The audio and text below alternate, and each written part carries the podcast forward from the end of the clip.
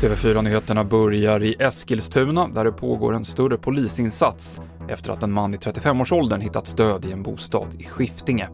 Larmet kom vid halv tre-tiden i natt. Flera patruller är fortfarande på plats och bostaden är avspärrad. Ingen har blivit gripen för det här misstänkta mordet.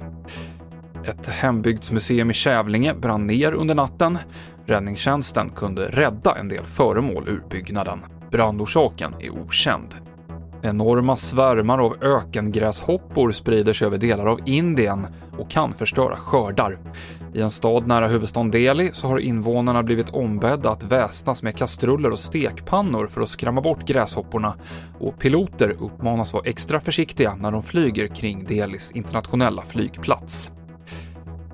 Och rockbandet Rolling Stones hotar med rättsliga åtgärder mot USAs president Donald Trump om han fortsätter använda deras musik. Trump har regelbundet spelat Stones-låtar som “Start Me Up” på sina kampanjmöten, trots att bandet krävt att han ska sluta. Och nu hotar de alltså att ta till tuffare åtgärder. TV4-nyheterna med Mikael Klintevall.